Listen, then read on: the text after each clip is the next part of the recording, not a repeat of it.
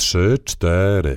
Dzień dobry. Drodzy radiosłuchacze, mamy przyjemność zakomunikować. Że to już dziesiąty Sezon. piątki z literatury.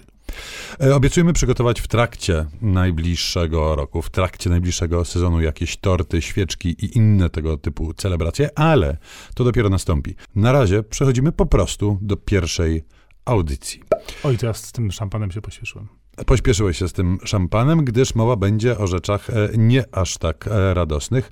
Mianowicie kilka dni temu nastąpił ten dzień, na który czekaliśmy wszyscy całe długie wakacje. Ten Ja wspaniały, cudowny, pierwszy września. Szkoła jaka jest, e, wszyscy wiemy, wszyscy pamiętamy, a ci, którzy nie wiedzą i nie pamiętają, to na pewno się dowiedzą i pamiętać będą. I z tej okazji, jako że przeglądaliśmy nasze archiwa, szkoły nie było od wielu, wielu, wielu, wielu lat. W piątce z literatury postanowiliśmy tą zaległość nadgonić i opowiedzieć o tym, jak to ona jest okropna, tudzież jak bywa wspaniała w pięciu książkach. No i zacznijmy od optymistycznej wizji, bo mamy w polskiej literaturze autora, który szkole poświęcił znakomitą większość swojego dorobku i rzeczywiście potrafił pokazać szkołę w nie to, że jakoś tam pozytywno-laurkowo-cukierkowy sposób, tylko problematycznie i intrygująco, ale właśnie barwnie, magicznie, niesamowicie. To Rzeczywiście oczywiście pan Edmund Niziurski. Niziurski, Edmund Niziurski, który pisarzem wielkim absolutnie e, był i jest, a w jego książkach szkoła, jakkolwiek jest szkołą realistycznie opisaną pod wieloma względami, oczywiście to jest szkoła, e, no ta z dawniejszych nieco czasów, z lat 60., 70., nawet i 50., chociaż wydaje się, że w świetle nowej reformy znowu będziemy trochę bardziej przypominać sobie e, tamte dawne podstawówki i licea, to jednak e, ta wizja jest wciąż e, równie atrakcyjna. Myślę, że na przykład takie pozycje jak Szkon, Ludokulla i ja, ale może przede wszystkim awantury kosmiczne. To są takie książki, gdzie prawie wszystko dzieje się w obrębie murów szkolnych z przyległościami ewentualnie i zarówno stosunki między nauczycielami, czyli tym tak- tak zwanym ciałem gogicznym, jak to Niziurski nazywał, y, a, no, a uczniami, między poszczególnymi grupami uczniów, klasami, dziewczyny, chłopaki, ale różnego rodzaju ugrupowania wzajemnie się zwalczające bądź nie.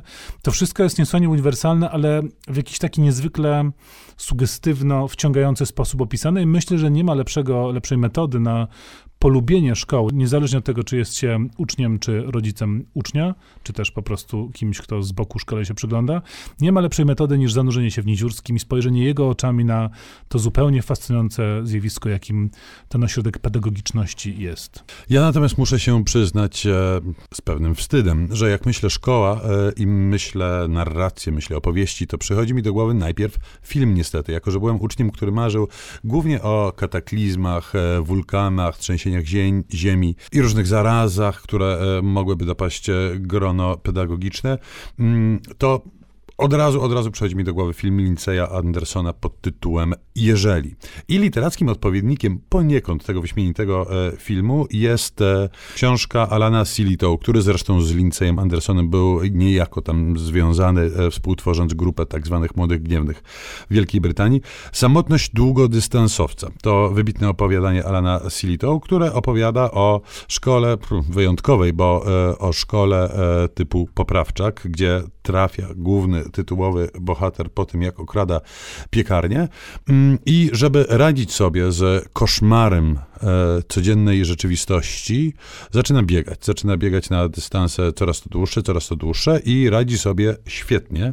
Do tego stopnia, że e, ma wystąpić w zawodach. Świetna okazja, by się pokazać. I Smith biegnie, biegnie, biegnie i tuż przed metą co robi? No mści się na szkole, na poprawczaku, na nauczycielach. To e, krótkie opowiadanie rzeczywiście robi wrażenie e, do dziś. Dryń, dryń, dzwonek na przerwę, jemy drugie śniadanie i wracamy po chwili.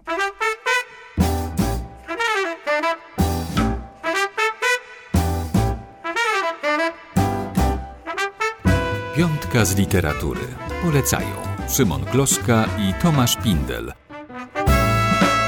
Dryń, dryń, koniec przerwy. Tak zwana długa minęła, e, a my wracamy do naszych opowieści o szkołach. E, książki szkolne, kolejna na liście. To teraz będzie poważnie. Geza Otlik to klasyczny węgierski pisarz, który został po polsku no, ostatnio wznowiony e, w nieodżałowanej już po nieistniejącej serii Nowy Kanon. Ta jego najsłynniejsza powieść nazywa się Szkoła na granicy i jest to, jak sama nazwa wskazuje, opowieść o szkole, rzeczywiście w pobliżu granicy e, węgierskiej, państwowej i rzecz dzieje się w latach dwudziestych wieku XX. Szkoła to jest szkoła wojskowa, taka dla kadetów i faktycznie w ogóle jak się mówi o tej książce, to ona y, natychmiast kojarzy się z inną, bardziej znaną książką, y, peruwiańską w tym przypadku, czyli Miastem Miasto i psami y, Vargasa Josy. Ale jak się zestawi te dwie książki, to rzeczywiście dość, dość duża różnica. O ile Vargas Llosa jest taki bardzo no, dociśnięty mocno do, do podłogi, ten, ten element niesamowitości czy takiej drastyczności jest tam bardzo wyraźny, to u Otlika to jest wszystko subtelniejsze, tak środkowoeuropejsko ustabilizowane ale mimo tego, że temperatura jest wtedy wydawałoby się znacznie chłodniejsza, to jednak jest to taki obraz, znakomicie zrobiony obraz opresji. Takiej właśnie spokojnej, cichej, bezlitosnej opresji szkolnej, którą sami e, uczniowie nakręcają, ale oczywiście pilnują jej e, nauczyciele i pedagogowie i ci, którzy za tą szkołę odpowiadają, ale faktycznie tworzy to taki y, niesłychanie sugestywny y, wizerunek małej, zamkniętej społeczności, której, z której właściwie wyłamać się nie ma jak. Ja miałem potrzebę przyniesienia jakiejś książki, która przypomniałaby klasycznego autora i przyszła mi do głowy książka, której e, sam w rękach od lat nie miałem. Książka Hermana Hessego, który po sprawdzeniu okazało się e, jeszcze nigdy nie gościł w piątce z literatury, co skandalicznym zaniedbaniem z naszej strony strony. Książka, która w polszczyźnie znana jest pod dwoma tytułami, żeby było śmiesznie. Pod kołami, tu, tudzież e, Wyższy Świat. E, to książka nie tyle co o szkole, co o e, uczniu. Mm, uczeń trafia do seminarium, gdzie bardzo chce się uczyć i bardzo to uczenie się jest oczekiwane.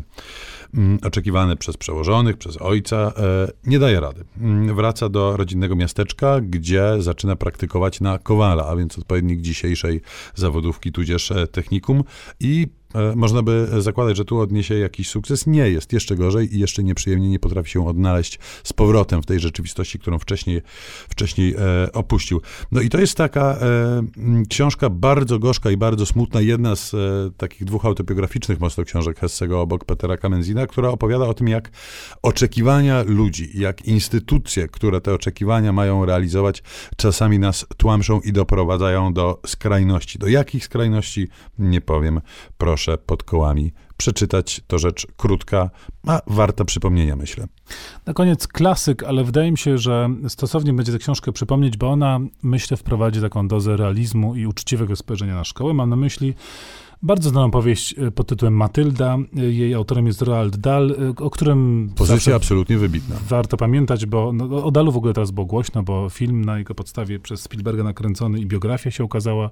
I to taka uczciwa książka, bo pokazuje dwa oblicza szkoły. Tak, Matylda, jak pamiętamy, jest dziewczynką nad spodziw uzdolnioną, mającą nawet moce niesamowite, potrafi oczyma na odległość wyprawiać rzeczy dość niezwykłe, bo wychowana jest przez straszliwą parę rodziców. To rzeczywiście najskandaliczniejsza chyba para para rodzicieli w literaturze e, współczesnej i trafia do szkoły. Szkoły, która jest potworna, ale potworna jest dlatego, że jest tam potworna nauczycielka i dyrektorka pani Pałka. E, no bezlitosny babsztyl, który potrafi złapać dziecko za warkocz i rzucić na odległość, jako że pani Pałka w młodości uprawiała lekkoatletykę. Ale jest też pani Miodek i pani Miodek już jest e, zupełnie inną panią. Czysty miód.